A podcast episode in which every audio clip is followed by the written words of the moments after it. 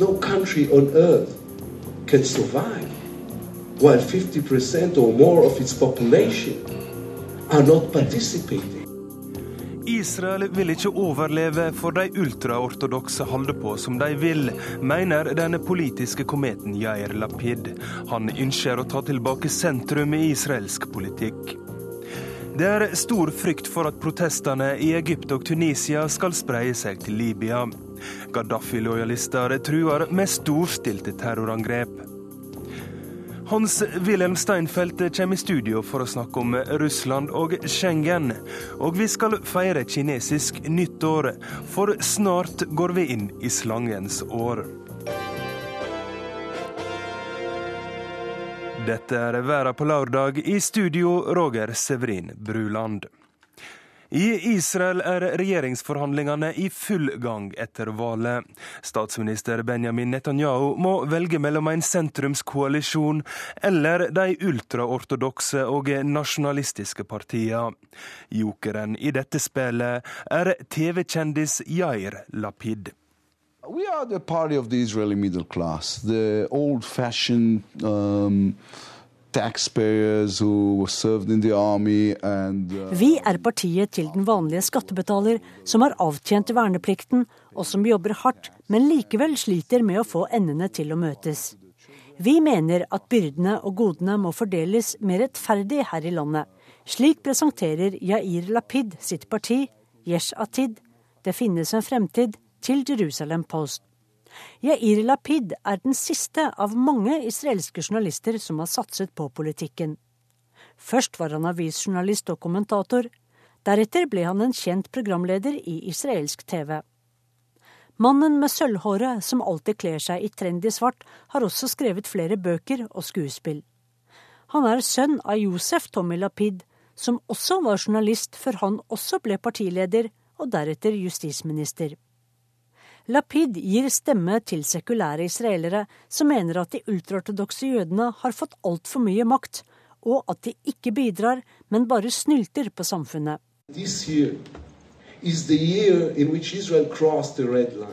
Vi har nettopp krysset en farlig grense, sa Lapid på et valgmøte for engelsktalende israelere. Of the kids who went to school for the first time, 50% of the first graders, went either to a Haredi school or to an Arab school. Nå er mer enn 50% av israelske førsteklassinger enten ultraortodokse eller arabiske. Verken de ultraortodokse eller araberne tjenestegjør i hæren, og de bidrar i liten grad i arbeidsmarkedet. Det betyr at om tolv år vil over halvparten av alle 18-åringer unndra seg militærtjeneste, og de vil heller ikke gjøre siviltjeneste og mange vil holde seg utenfor arbeidsmarkedet.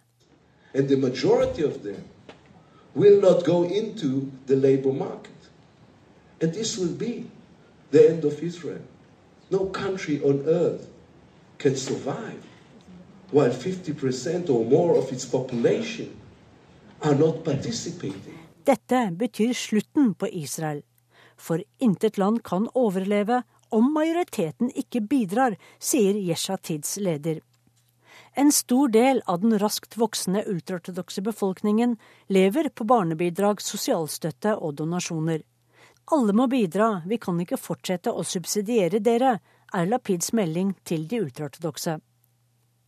Den veltalende Yair Lapid går rett hjem hos sekulære israelere. Menn liker ham fordi han er maskulin og bokser på fritiden. Kvinner liker ham fordi han er kjekk, smart og snakker pent om sin kone. I likhet med israelere flest er ikke Lapid særlig opptatt av palestinerne.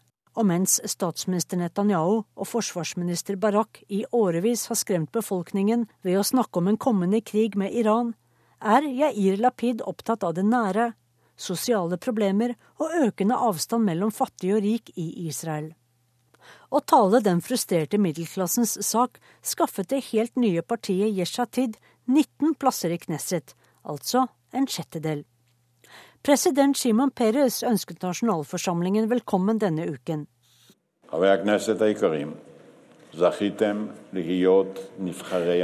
Vær så snill, følg visjonene om en bedre verden, sa Peres til de nyvalgte parlamentarikerne.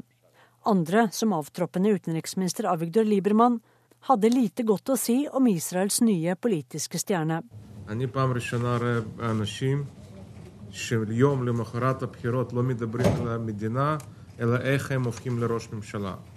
Han har ikke engang sittet én dag som parlamentariker, før han ikke lenger snakker om middelklassen. Nå stiller han bare ett spørsmål hvordan kan jeg bli statsminister? Valget i januar svekket Benjamin Netanyahu. I løpet av de neste ukene må han finne nye regjeringspartnere. Han må hente støtte fra sentrum, eller se til de religiøse og nasjonalistiske partiene Habayt Hayehudi og Shas. Men Lapid vil ikke sitte i samme regjering som de ultraortodokse. I mean, this, this det ville være umoralsk og galt av meg. Jeg forsøker å stanse en ny religiøs regjering for å hindre at Israel blir isolert og at økonomien svekkes, sier han. Uh, from the international community and will be disastrous in terms of the economy. I'm going to do everything in my power to make sure this will not happen. Nå venter Yair Lapids mange håpefulle velgere på at Israels nye Wonderboy skal vise sine kunster. Den karismatiske 49-åringen har sitt politiske liv foran seg, enten i regjering eller som opposisjonsleder. Det var kollega Sissel Wold som hadde laga dette portrettet av Yair Lapid. Det har vært store demonstrasjoner både i Egypt og Tunisia denne veka. Nå står Libya for tur. Både Gaddafi-lojalister og skuffa opprørere truer med voldelige aksjoner og demonstrasjoner i forkant av toårsmarkeringa av starten på opprøret 17.2. Fra i morgen av vil styremaktene heve beredskapen og legge en jernring rundt hovedstaden Tripoli. Denne veka kom det ei forsyning med panserbiler fra Italia. Den italienske forsvarsministeren på besøk i Libya denne uken. Under en høytidelig seremoni ved en marinebase nær hovedstaden Tripoli overleverte Giampalo di Paola 20 panserbiler. En gave fra Italia til Libya. Det er helt grunnleggende at Libya har kontroll over sikkerheten i sitt eget land. Dette er også viktig for Italia. Derfor investerer vi tungt i trening og utstyr for den libyske hæren, sa den italienske forsvarsministeren. Besøket kom samtidig med at man frykter landsdekkende demonstrasjoner og terroraksjoner i forbindelse med at man 17.2 vil feire at det er to år siden opprøret mot Muhammar Gaddafi startet. I morgen blir det lagt en jernring rundt mulige terrormål i hovedstaden Tripoli. Over 1400 statiske kontrollposter sammen med 640 patruljer skal være klar til å gripe inn om noen går til angrep. Det sier Innenriksdepartementet på sin egen hjemmeside. Men den kjente Nord-Afrika-forskeren Jeremy Keenan sier til NRK at han ikke tror libyerne har kapasitet til dette. All, all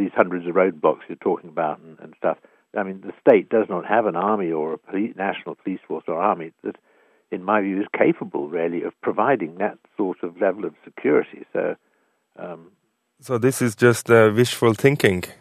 Well, it, it, yeah. You know, my, my question back to them is, okay, where are these uh, roadblocks? What what facilities have you got to put them in place? They haven't. They just don't really exist. Den libyske staten har ikke et fungerende nasjonalt forsvar eller politi. Derfor blir det opp til lokale militsgrupper å stå for sikkerheten. Ingen vet hvor mange hundre forskjellige grupper det er, forteller Keenan. And, you know, this is what is very worrying. There is no real central power in terms of a national army or national police force or any national security body. Internasjonale oljeselskaper og annet næringsliv blir derfor nødt til å betale disse militsene for å kunne operere i fred. They obviously have their own security people as well, but they rely very much on on local militia, who they contract to and pay, and, and it, it's therefore in the interest of those militia to, you know, in a sense, look after that client. Det er først og fremst militser fra det gamle Gaddafi-regimet som har truet med terroraksjoner rundt 17.2, men også såkalte føderalister har varslet store demonstrasjoner. Dette er lyden av en føderalistdemonstrasjon i Benghazi i november i fjor. De skal igjen ta til gatene for å protestere mot det de kaller en forbannelse som hviler over revolusjonen. Dette er folk som støtter opprøret, men som føler at de ikke har fått noe tilbake for det, forteller Keenan. I, I, there, there might well be sort of major demonstrations there. These could easily get out of hand, uh, be you know, um. Forsker Jeremy Keenan der, reporter Halvard Sandberg. Det går en strøm av våpen fra Libya til nabolandene. Libya er i ferd med å bli en basar, et veikryss for jihadister og kriminelle, mener vår utenrikskommentator Gro Holm. Våpnene som ble brukt til å angripe Statoils anlegg ved Inamenas, kom fra Libya, og bilene som ble brukt hadde libyske kjennetegn og logoen til det libyske statsoljeselskapet. Kanskje var terroristene også trent i det sørøstlige Libya. Hjernen bak aksjonen, Mukhtar Bel-Mukhtar, skal personlig ha vært på våpenhandel i byen Saba, og rett sør for Saba ligger det ifølge CNN tre leirer for trening av militante islamister. Dette er et område hvor den libyske staten har minimal kontroll, men det er også et område fullt av olje. Statoil er medeier i et anlegg for oljeutvinning i Morzuk, bare 20 mil sør for byen som Bel-Mukhtar skal ha shoppet våpen i. Men Statoil er ikke operatør, og er derfor ingen ansatte der. Det spanske selskapet Rapsol har operatøransvaret, og derfor uttaler ikke Statoil seg om sikkerheten rundt dette anlegget. Så langt er ingen vestlige olje- eller gassanlegg i Libya blitt utsatt for angrep. Men 11. september i fjor ble den amerikanske ambassadøren i Libya og tre andre amerikanere drept av radikale islamister i Benghazi. Øyenvitner hevder at Ansar al-Sharia sto bak, og rasende libyere startet klappejakt på organisasjonen, som riktignok har benektet at den hadde noe med drapene å gjøre. Likevel er sikkerheten i revolusjonens vugge, Benghazi, fortsatt så elendig at flere land har beordret sine borgere ut derfra. Et par dusin politifolk skal ha vært drept bare i løpet av det siste året. Søpla flyter i gatene, og en del veier inn til byen er kontrollert av uavhengige brigader, som ikke ser ut til å mangle våpen, forteller øyenvitner. I forbindelse med den libyske revolusjonen for to år siden fikk dette opprørets stormsentrum besøk av flere grupper hellige krigere som tok veien fra Afghanistan og Pakistan for å være der det skjedde. Det skal ha vært ulike nasjonaliteter, nordafrikanere og andre men organisasjoner under Al Qaidas romslige paraply har aldri vært i nærheten av å få noe overtak blant dem som gjorde opprør mot Gaddafi. Opprøret var ledet av folk som var lei diktaturet, og mente at de oljerike østlige provinsene hadde altfor lite makt og fikk for liten andel av inntektene fra naturressursene. De trengte den støtten de kunne få av folk med våpentrening, og blant dem var det også noen jihadister. Det er uklart hvilken rolle disse spiller i smuglingen av våpen og trening av hellige krigere i dag. Selv USAs etterretning synes å mangle oversikten i Libya, og den libyske staten er nærmest fraværende i store deler av ørkenområdene i sør. Vi vet at tuaregene tok med seg våpen fra den hæren de hadde tjenestegjort i under Gaddafi og dro til Mali, men deres mål er begrenset til selvstyre i hjemlandet. Da er det mer sannsynlig at Al Qaida i islamsk Maghreb og andre væpnede islamistgrupper med røtter i Algerie, Niger og Mali bruker Libya som transittland, våpendepot og treningsområde. Algerie ligger kanskje mer sentralt, men har samtidig en etterretning det er mye mer vanskelig å gjemme seg for. Myndighetene i hovedstaden Tripoli har mer enn nok med å få kontroll over de store byene langs kysten i nord. Ta Misrata som eksempel, byen som i nær tre måneder var slagmark for kamper mellom Gaddafi-lojale styrker og opposisjonen. Der finnes 240 ulike milits eller væpnede grupper. For å få litt orden rapporterer de nå til tre forskjellige regionale kommandoer for byen, som igjen rapporterer til forsvarsledelsen. Det sier seg selv at vi snakker om en hær noe utenom det vanlige, med mange viljer og særinteresser i rekkene. Men til en viss grad fungerer delegeringen av sikkerhetsansvar. Flere grupper har f.eks. gått sammen om å slå ned Gaddafi-lojal milits som ikke vil gi fra seg våpnene. Det dagens sammenraskede hær ikke kan brukes til, er lengre tokt mot smuglere av våpen og mennesker gjennom ørkenen. USA bevilget derfor i fjor høst 8 millioner dollar til trening av en elitestyrke på 500 mann, pluss 4 millioner til grensekontroll. Kanskje de kan bidra til å stanse Belmokhtar og noen av hans likesinnede i framtida.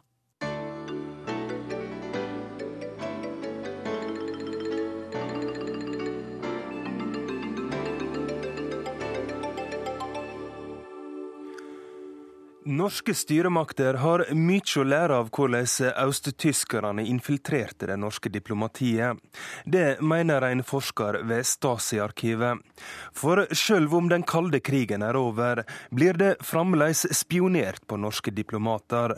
Morten Jentoft har mer. Her var det minister. Jaha. Milke. Ja. Jeg var her. Sammen med Helmut Müller Enberg står jeg mellom de grå blokkene litt øst i Berlin. I det som var hovedkvarteret til Ministerium for statssikkerhet, bedre kjent som Stasi, overvåkingspolitiet i det tidligere Øst-Tyskland. Müller Enbergs viser meg hvor den legendariske sjefen for Stasi, Erich Milke, hadde sitt kontor.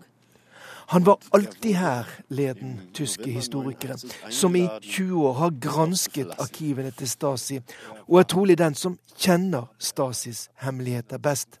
Aber wenn ich mir angucke, wer sich diese Akten über die Botschaft des äh, Königreiches Norwegen angeguckt hat, jeg må likevel si jeg var overrasket da jeg så dokumentene som hadde med den norske ambassaden i Øst-Berlin å gjøre, sier Helmut Müller Enbergs. Jeg har gått gjennom tusenvis av saker her og trodde ikke jeg skulle bli overrasket mer. Men denne saken viser hvor detaljert Stasi arbeidet. Hvordan hvert eneste dokument ble lagt under lupen, hver eneste telefonsamtale analysert. Stasi visste absolutt alt som foregikk i den norske ambassaden, sier Mulla Enbergs, som karakteriserer ambassaden som et akvarium. Ich möchte die norwegische Botschaft mit einem Aquarium vergleichen. Den norske ambassaden var som et akvarium med glassvegger der Stasi kunne se inn og der Stasi visste alt. Man visste hvor alle strømkabler og rør gikk. Man hadde full oversikt over hvem som gikk inn og ut, sier Helmut Müller Enbergs, som er den første som systematisk har gått gjennom materialet i Stasi-arkivet om den norske ambassaden i Øst-Berlin. Altså, Vi ble ganske godt brifet før vi reiste. og Da fikk vi høre at vi skulle være forsiktige. Vi skulle f.eks. aldri ta med dokumentet hjem. Den norske diplomaten Sverre Jervel kom til den norske ambassaden i Øst-Berlin i 1976, og visste før han dro nedover at han ville bli fulgt med argusøyne. Jervel har sett noen av dokumentene som angår ham i Stasi-arkivet. Og selv om han altså visste at han ble overvåket, så er graden av overvåking sjokkerende. Men en gang hadde jeg på Aftenposten skrevet opp et DDR-telefonnummer, eh, bare for å huske det, og tok med Aftenposten hjem. Og så fant jeg i arkivene mange år senere at Stasi da hadde tatt et sjekk og avlyttet dette nummeret. For å finne ut hvem det var, og finne ut hva vedkommende hadde av kontakt med oss. Hva de fant ut, vet jeg ikke, men vedkommende var da en håndverker i er som vi skulle, hadde kontaktet for å få reparert doen.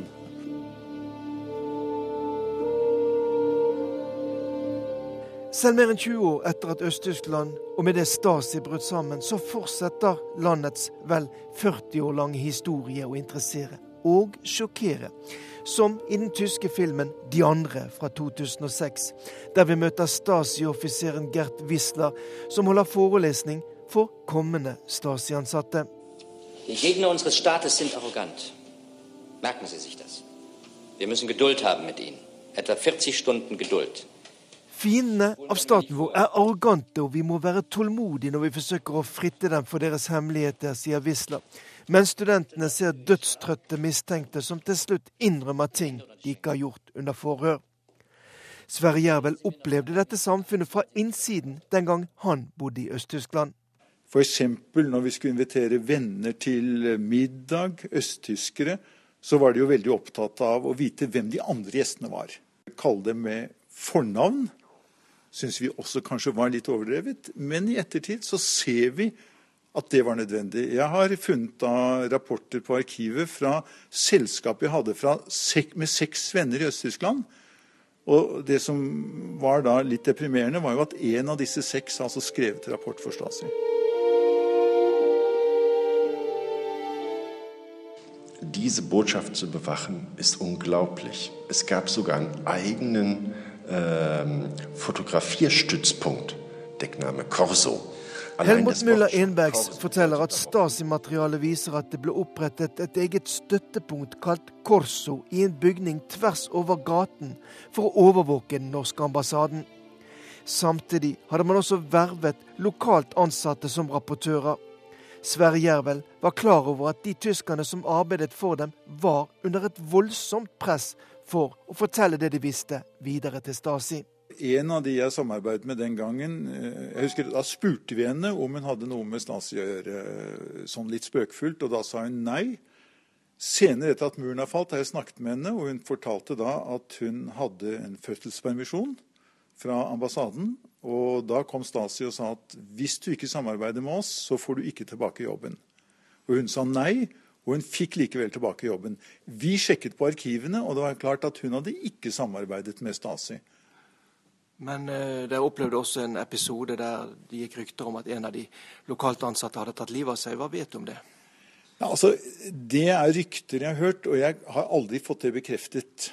Ich kann nur nahelegen, wer Norwegens Sicherheit liebt, sieht sich diese Akte an, um zu lernen den tyske historikeren Helmut Müller-Einbergs mener det må være svært nyttig for norske sikkerhetsmyndigheter å studere dokumentene om overvåkingen av den norske ambassaden i Øst-Berlin fra 1973 til 1990 grundig, for å lære hva man kan gjøre for å beskytte seg mot innsyn.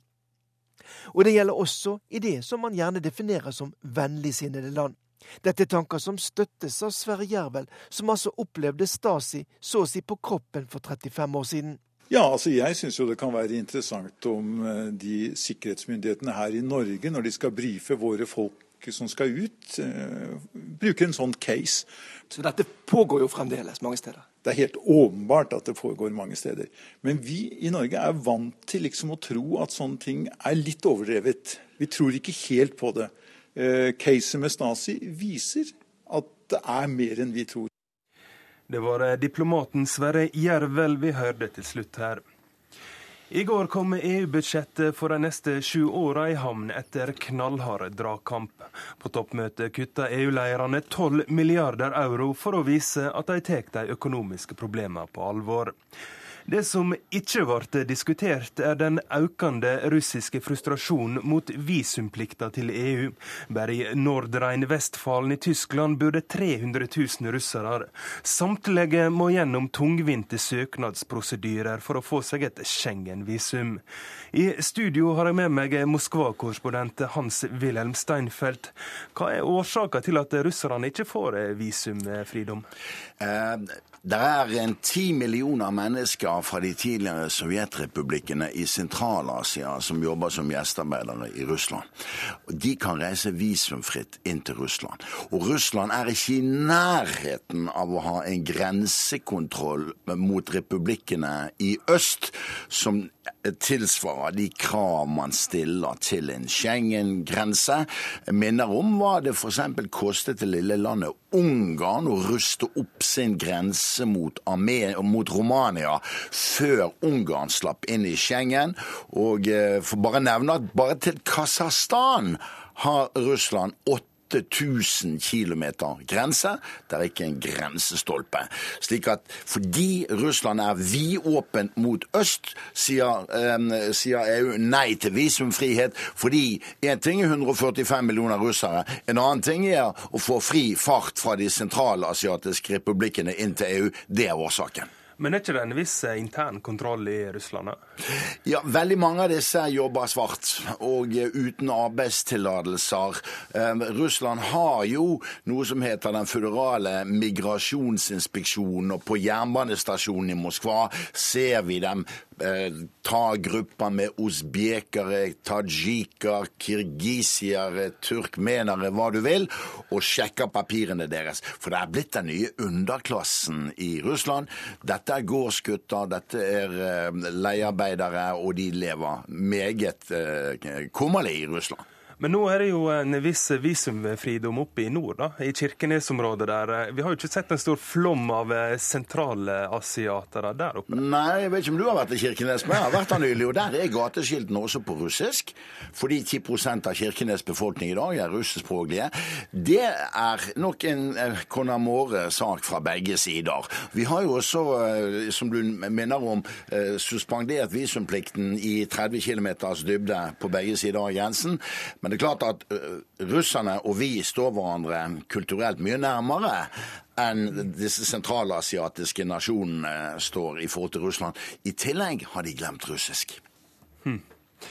Uh, men hva, hva, er det det bunner i denne frustrasjonen eh, mot det her visumet? Forstår ikke russerne at EU er bekymra for å få en flom eh, fra eh, Sentral-Asia? Jo, det tror jeg de gjør, og det er særlig ungdom som er frustrert og synes at de burde ruste opp disse grensene på østfronten, for å si det på den måten. Men Russland trenger billig arbeidskraft, og disse landene er ikke all verden når det gjelder verdiskapning. Inntekt utgiftene til tadsjikiske uh, gjestearbeidere i Russland, uh, det utløper, beløper seg til 47% av bruttonasjonalprodukt i Tadsjikistan. Uh, kirgiserne har det litt bedre, men de kirgisiske fremmedarbeiderne sender hjem en sum tilsvarende 30% av bruttonasjonalprodukt. Kan sammenlignes med jugoslavene i Tyskland på 70-tallet. Men er det sånn at eh, det foregår en slags eh, sosial dumping i Russland? Ja, på den andre siden så tjener disse menneskene mye bedre penger i Russland enn de ville gjøre hjemme, ellers så hadde de ikke kommet. Og de behandles ikke noe særlig pent. Her er veldig mye svart registrering på bopeler. De bor kummerlig, de blir ofte låst inne på netten i lagerbygninger der de arbeider. Vi har jo i NRK dekket en brann som tok livet av en 20 tadsjiker i Moskva i fjor. Øh, men det er helt åpenbart at nå står det en interessekonflikt mot hverandre i dette spørsmålet. Veldig mange russere vil til EU. EU er Russlands største handelspartner. De har mye å gjøre der. Berlin, Nordrhein-Westfalen, det er mange her i Norden også.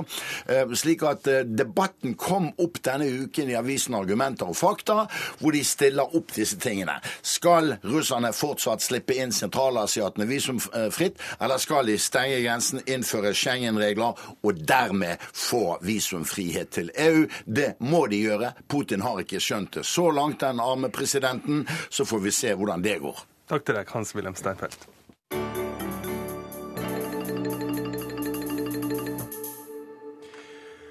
Klokka har passert halvtimen. Du hører på Verda på lørdag.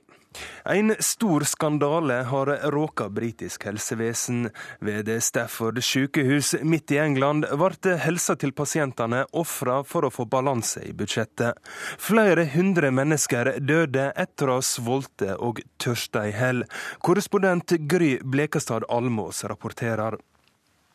I haven't accepted mom's gone yet. Still haven't accepted it. It's just so difficult.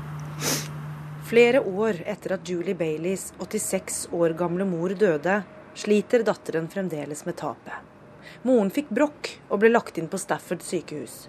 Etter operasjonen fikk hun verken mat eller stell, forteller datteren. Nurses, Sykepleiere nektet å gi moren medisiner hun var avhengig av, og den i utgangspunktet friske og raske kvinnen døde etter åtte uker på det skandalerammede sykehuset. This hospital has been run on a shoestring for years, and we have had enough. Nok er nok, tenkte Julie Bailey da hun hørte om mange lignende historier.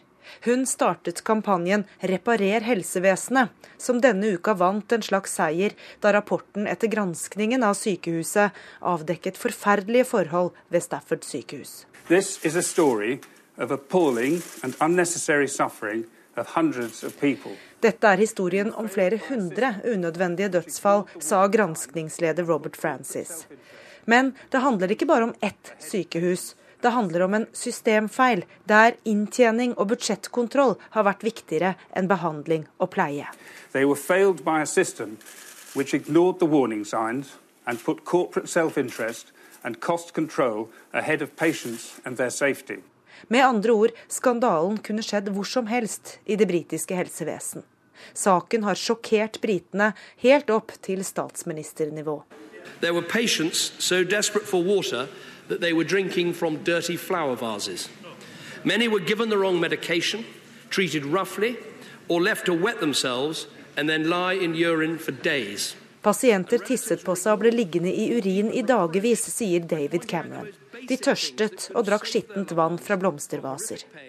Han beklager på vegne av regjeringen overfor de mange, mange pårørende.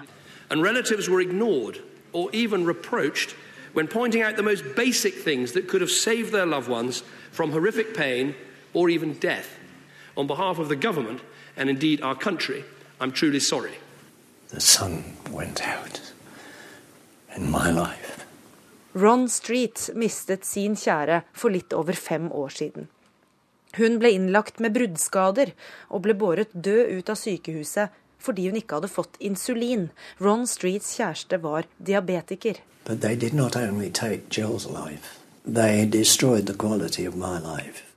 Historiene kommer i mange hundretalls. Kanskje har så mange som 1200 pasienter dødd unødig ved dette ene sykehuset. Rapporten peker på en rekke alvorlige systemfeil, og regjeringen lover å innføre tiltak både for å bedre kontrollen med virksomheten og for å bli bedre til å lytte til pasientklager. Men datteren som ble aktivist, Julie Bailey, krever mer. Hun mener sjefen for NHS, det britiske helsevesenet, må gå av. NHS has not got the leadership skills to take this report. Mannen på toppen er ikke riktig person til å rette opp disse graverende feilene, sier Julie Bailey, og mener at David Nicholson bør ta sin hatt og gå. Men han nekter. At the time, I apologised, and in a sense, I apologise again to the people of Stafford for what, for what happened. But apologies are not enough. We need action. Det kreves handling, sier Nicholson, og handling skal det bli. Men spørsmålet er om tiltakene er nok. Både rapporten og helseminister Jeremy Hunt peker på at sykehusenes fokus på profitt og forretningsdrift har kostet svært mange pasienter livet. has been skewed. Uh, in the past, uh, and, and, even currently now, the thing that managers worry most about is losing control of their finances. Sykehusenes definisjon på vellykkethet er forvridd, sier helseministeren. Penger er blitt viktigere enn liv og helse. Julie Bailey vil kjempe videre for å endre på det. En kamp som har gjort at hun ennå ikke har klart å forsone seg med tapet av moren over fem år etterpå. Sort of um,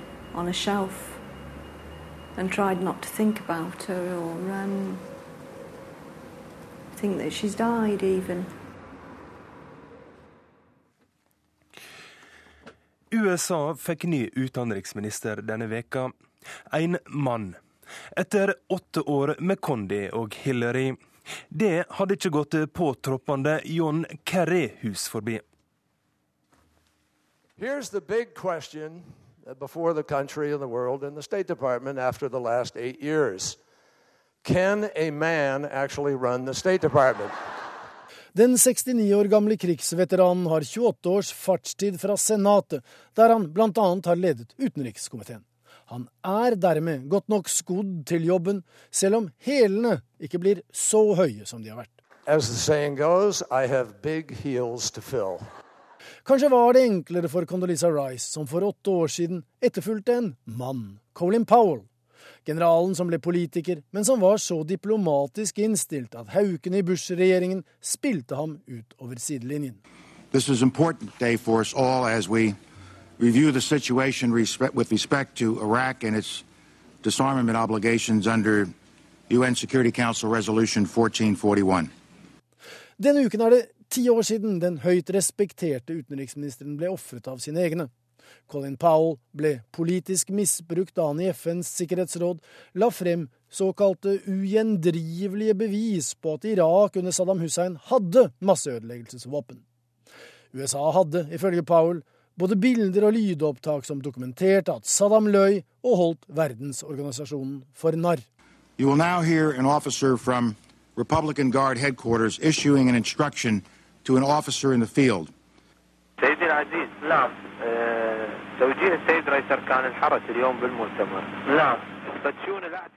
I 2003 var de sivile haukene i Pentagon mer krigshissende og trigger-happy enn den konfliktløsende krigeren i Foggy Bottom, som det amerikanske utenriksdepartementet ofte kalles, etter strøket der State Department har kontorer. Men forsvarsminister Donald Rumsfeldt, visepresident Dick Cheney og CIA-sjef George Tenet hadde større innflytelse på USAs utenrikspolitikk den gang enn Colin Powell og hans nesten 200 ambassadører. Det er ingen tvil om at USAs til enhver tid sittende utenriksminister leder supermaktens diplomatiske apparat. Problemet er at det svært mange andre gjør, har stor og noen ganger større innflytelse på verdensopinionen enn det utenriksministeren har, som for eksempel ubetenksom retorikk og sleivete ordvalg. I want him, I want, I want justice. And uh, uh, there's an old poster out west, as I recall, that said wanted, dead or alive. Internasjonalt omdømme og mellomfolkelig respekt er viktig for et lands utenrikspolitiske anseelse. Men når folk flest skal gjøre seg opp en mening om et fremmed land, så er andre forhold og handlinger vel så viktige som ambassadører og diplomater eksemplifisert ved utspørringen denne uken av Obamas valg til å bli ny CIA-direktør John Brenn, som i Senatet måtte svare på spørsmål om hans syn på bruk av førerløse droner og forhørsmetoden waterboarding. I think there is a misimpression on the part of some American people who believe that uh, we take strikes to punish terrorists for past transgressions. Nothing could be further from the truth. We only take such actions as a last resort to save lives Abu Ghraib og Guantánamo, eller for å gå tilbake i historien, Grisebukta og My Lai, hefter ved USAs renommé. Men overgrep og overtramp, eller hemmelige aksjoner og wet operations, som de til tider kalles, de sorterer sjelden under USAs utenriksdepartement. Fra forsøket på å forgifte Castros sigarer til mordet på Che Guevara, fra avrettingen av Patrice Lumumba til kuppet i Chile, det er ikke USAs utenriksminister som har frontet disse operasjonene. Dette er den mørke baksiden av medaljen. For State Department har andre oppgaver, er USAs ansikt utad og fører den aktive utenrikspolitikken som forholder seg til folkeretten, internasjonale konvensjoner, og som representerer diplomati og dialog. We know that America is exceptional not because we say we are, not because it's a birthright that will happen automatically, but because America does exceptional things, and we must continue to do those things. The world depends on us. John Kerry har mye å gripe fatt i, og skal han leve opp til forventningene, blir det ikke mye tid til å sitte på kontoret. De seks foregående utenriksministrene i USA har i alt foretatt 1334 utenlandsreiser på de rundt 1200 ukene som er gått siden murens fall, ifølge Washington Post. 90 av dem har vært til Israel og 61 til Egypt, hvilket sier mye om hva som har vært viktig i amerikansk utenrikspolitikk de siste årene.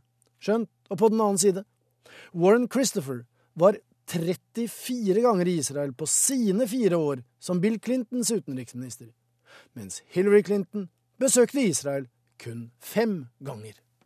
What we've tried to do over the last four years is get up every day have a clear eyed view of what's going on in the world. And I'm really proud of where we are. John Kerry har selv staket ut en kurs og trukket frem soft power som satsingsområder, altså matsikkerhet, energisikkerhet og miljø, som skal være positive verdier i amerikansk utenrikspolitikk, i motsetning til droner og waterboarding. Klarer han det, kan det hende at også han blir nominert til Nobels fredspris I am proud to take on this job because I want to work for peace. For inkludert presidenter så har hele tolv fredspriser gått til amerikanske politikere som har stelt med utenrikspolitikk. Så på den bakgrunn, kanskje én av John Kerrys mange fremtidige reiser vil bli til Norge. Kollega Joar Hoel Larsen hadde laga denne saka. Chile er fremdeles dypt splitta, 40 år etter militærkuppet. Men de som forsvarer brotsverka til militærregimet, blir færre for hvert år som går. Arnt Stefansen rapporterer fra den chilenske hovedstaden.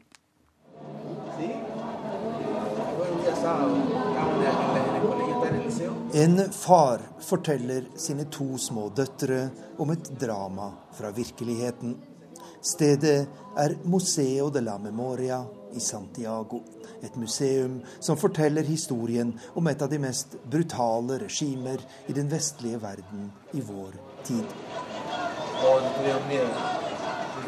Den 40 år gamle Leonardo Prats ble født i en av Chiles mørkeste timer året da landets demokrati ble knust i et militærkupp. Nå mener han det er viktig at den neste generasjon chilenere får vite hva som skjedde den gang og i de mange årene med diktatur, drap og undertrykkelse i landet.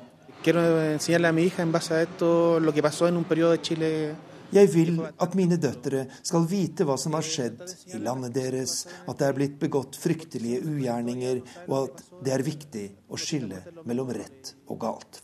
Dette er den eneste måten å bygge fremtiden på.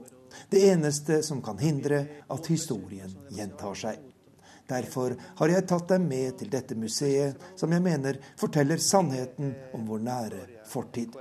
Jeg var her først alene, og besøket gjorde et så sterkt inntrykk på meg at jeg bestemte meg for at dette var noe jeg ville dele med mine døtre, sier Leonardo Prats.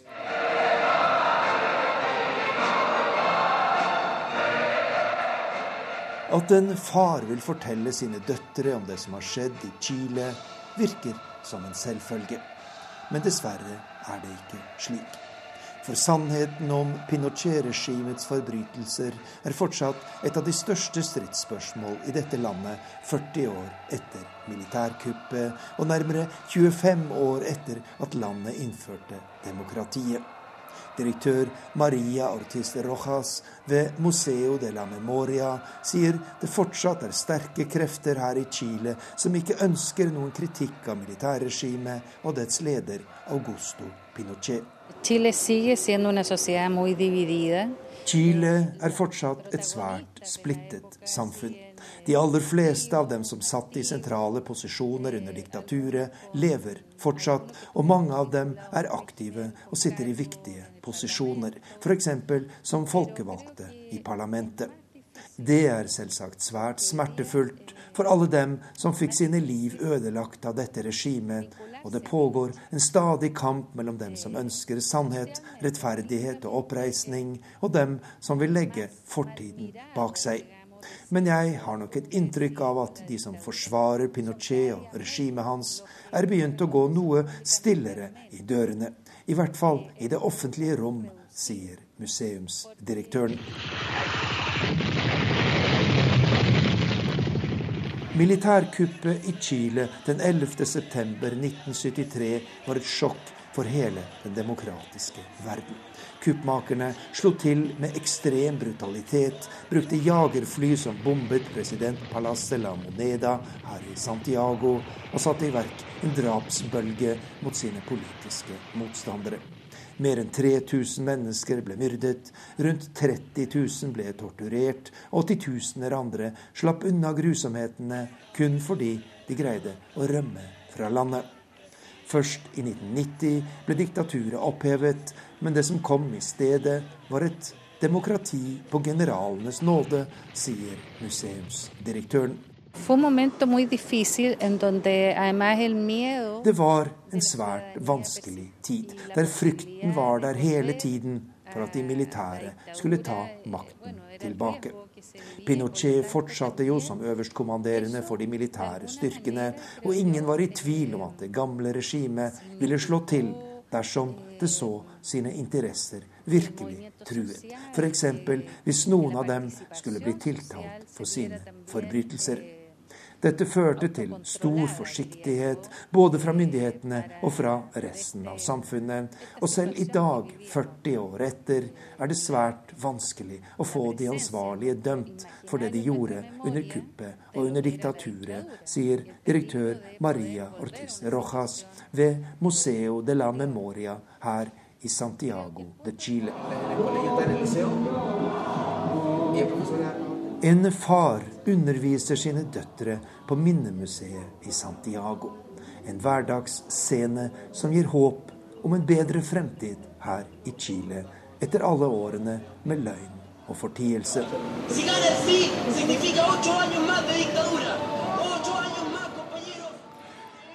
I kveld er det nyttår for over en milliard kinesere. Vi går fra dragens til slangens år. Også i Vietnam feirer de dagen. Der kaller de det tett. Vi har med oss Asia-korrespondent Anders Magnus fra øya Phu Kok, som ligger i sjøen sør for Vietnam. Og Anders Magnus, hvordan blir feiringa der i kveld? Det er litt som julaften i Norge. Eh, butikker og eh, stenger veldig tidlig. Og så eh, samles familien til et bedre måltid mat. Og det blir også delt ut gaver, i hvert fall til barna. De får fra de eldre i familien små røde konvolutter med penger som skal gi dem lykke og en god start på det nye året. Så, så, det er først og fremst en familiebegivenhet, men det er også viktig hva som har skjedd før nyttårsaften. Da skal man eh, ære forfedrene, som man gjerne har hengende i, eh, ved, ved, tempeler i husene sine. De skal da bli servert god mat. Og det skal også brennes en del ofringer til eh, forskjellige guddommer, og også til forfedrene, før nyttårsaften. Og så er det veldig viktig hva slags, hva slags dekorasjoner man har. Sånn som vi har juletrær, så har man trær med kirsebærblomster i den nordlige delen av landet, og her i sør så er det trær med gule blomster eller gule krysantemum som er viktig. Eh, det er jo slangens eh, år, og eh, er det gjort noen spådommer om det nye året? Ja da, slangen er jo et intelligent vesen, men dessverre så er de spådommene som har kommet ikke spesielt hyggelige. Det er spådd mye flommer og dårlig vær i året som kommer. Det er jo vannslangens år eh, i år. Og så er det også spådd eh, eh, kjernefysiske sprengninger. Og de som har spådd dette, tenker vel kanskje på Nord-Korea, som står foran en mulig prøvesprengning. Og også i Korea så feirer man jo året på den måten som kinesere og vietnamesere gjør. Det gjør også i tillegg japanerne. Så vi frykter jo at eh, de kan få rett, de som har spådd dette her, at det blir en eh, prøvesprengning i Nord-Korea kanskje i, allerede i løpet av den kommende uken. Ja, Anders Magnus, eh, vi får vel håpe på det beste. Tusen takk for at du var med oss fra øya Quoc, som ligger sør for Vietnam. Vekas korrespondentbrev kommer fra Nairobi og vår Afrikakorrespondent Lars Sigurd Sunnanå. Det telles ned nå her i Kenya, til 4. mars. Da går i overkant av 14 millioner kenyanere til urnene. De skal velge ny president, en ny nasjonalforsamling, fylkesting, distriktsforsamlinger og 47 guvernører over hele landet. Med smått og stort har det meldt seg 12 000 kandidater til vervene som skal besettes. Særlig presidentvalget blir spennende og nervepirrende. For Kenya som i dag har 40 millioner innbyggere, var så nær full borgerkrig som det var mulig å komme sist det var kamp om landets høyeste embete for fem år siden. Da utløste uklarhet og uenighet om hvem det var som egentlig hadde vunnet presidentvalget, brutale etniske oppgjør, og de truet med å sette hele den østafrikanske nasjonen i brann. Volden som utspant seg, krevde 1100 liv, 3000 mennesker ble såret, og opp mot en halv million drevet fra hjemmene sine. I tillegg skjedde hundrevis av voldtekter, og anslagsvis 100 000 eiendommer ble rasert før det lyktes internasjonale diplomater og fredsmeglere, med FNs tidligere generalsekretær Kofi Annan i spissen, å få stanset blodsutgytelsene og å få de stridende parter til å godta et politisk kompromiss.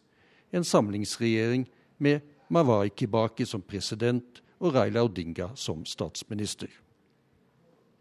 Som en del av denne fredsslutningen ble det til at Den internasjonale straffedomstolen i Haag skulle etterforske hvem det var som hadde stått bak volden og de blodige urolighetene. Søkelyset ble raskt rettet mot flere kenyanske samfunnstopper, ikke minst daværende finansminister og visestatsminister Uhuru Kenyatta, sønn av landets første president, Jomo Kenyatta, og en av Kenyas aller rikeste menn. Også den tidligere ministeren for høyere utdanning, William Ruto, ble blinket ut av straffedomstolens etterforskere. For to år siden ble begge de to toppolitikerne tiltalt for forbrytelse mot menneskeheten, og rettssakene mot dem skal starte i Haag 10.4. Ifølge tiltalene skal Ruto ha organisert og fått væpnede bander fra Kalenien-stammen til å voldta og drepe etniske kikoyer i Rifdalen. Kenyatta skal ha svart med samme mynt og sendt kriminelle kikoyer til å gå løs på innbyggere av Lu- og Kalenien-herkomst i det samme dalføret nordøst for hovedstaden Nairobi. Begge bedyrer sin uskyld, og selv om de sto på hver sin side under de etniske sammenstøtene for fem år siden, har de nå funnet hverandre i en politisk allianse foran det kommende presidentvalget. Der stiller Kenyatta, støttet av Ruto, som utfordrer til statsminister Raila Odinga, som nå gjør et nytt forsøk på å bli president etter at han tapte det omstridte valget mot Mawai Kibaki i 2007-2008. Meningsmålingene viser et tilnærmet dødt løp mellom Odinga og Kenyatta, og det kan tyde på at det blir en ny valgomgang i april. For Kenyas nye konstitusjon, som ble vedtatt i en folkeavstemning sommeren 2010, sier at en presidentkandidat trenger minst 50% av stemmene på landsbasis og 25% av stemmene i 24 av de 47 fylkene i nasjonen for å bli valgt direkte. Så langt synes verken Odinga eller Kenyatta klare dette, siden det også er seks andre presidentkandidater. Ingen av dem er populære nok til å nå opp, men de vil forsyne seg av tilstrekkelig mange stemmer i denne første valgomgangen til å hindre full seier for en av de to store favorittene i kappløpet om State House. Den avgjørende runden mellom de to med flest stemmer, Odinga og Kenyatta, kommer altså i april, omtrent samtidig som Kenyatta og Ruto må svare for seg i Haag. Skulle Kenyatta trekke det lengste strået i dragkampen med Odinga, vil det være Kenyas nye president som da pakker kofferten og drar til Den internasjonale straffedomstolen, hvor han da vil bli sittende i minst to år mens rettsforhandlingene går sin gang.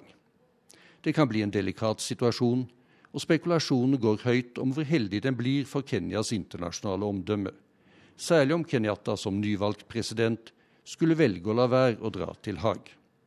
Kenya har sluttet seg til vedtektene for Den internasjonale straffedomstolen, som ble vedtatt på en diplomatkonferanse i Roma i 1998. Det er ikke bare for Kenyatta Ruth å trekke seg og utløse verdenssamfunnets spørsmål og vrede.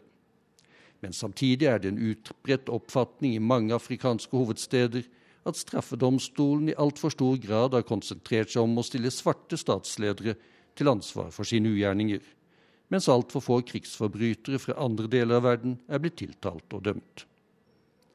Uansett synes ikke tiltalen og den forestående reisen til Haga har lagt noen større demper på Kenyatas og Rutos valgkamp. Med helikopter fyker de fra det ene folkemøtet til det andre og blir hyllet av begeistrede tilhengere. Mange av dem blir busset til arrangementene og får 500 kenyanske skilling, rundt 30 norske kroner, for fremmøte. Stemmer er gjennomgående billige når det er valg i Kenya. Det samme kan ikke sies om landets folkevalgte. De får godt betalt for sine parlamentariske tjenester.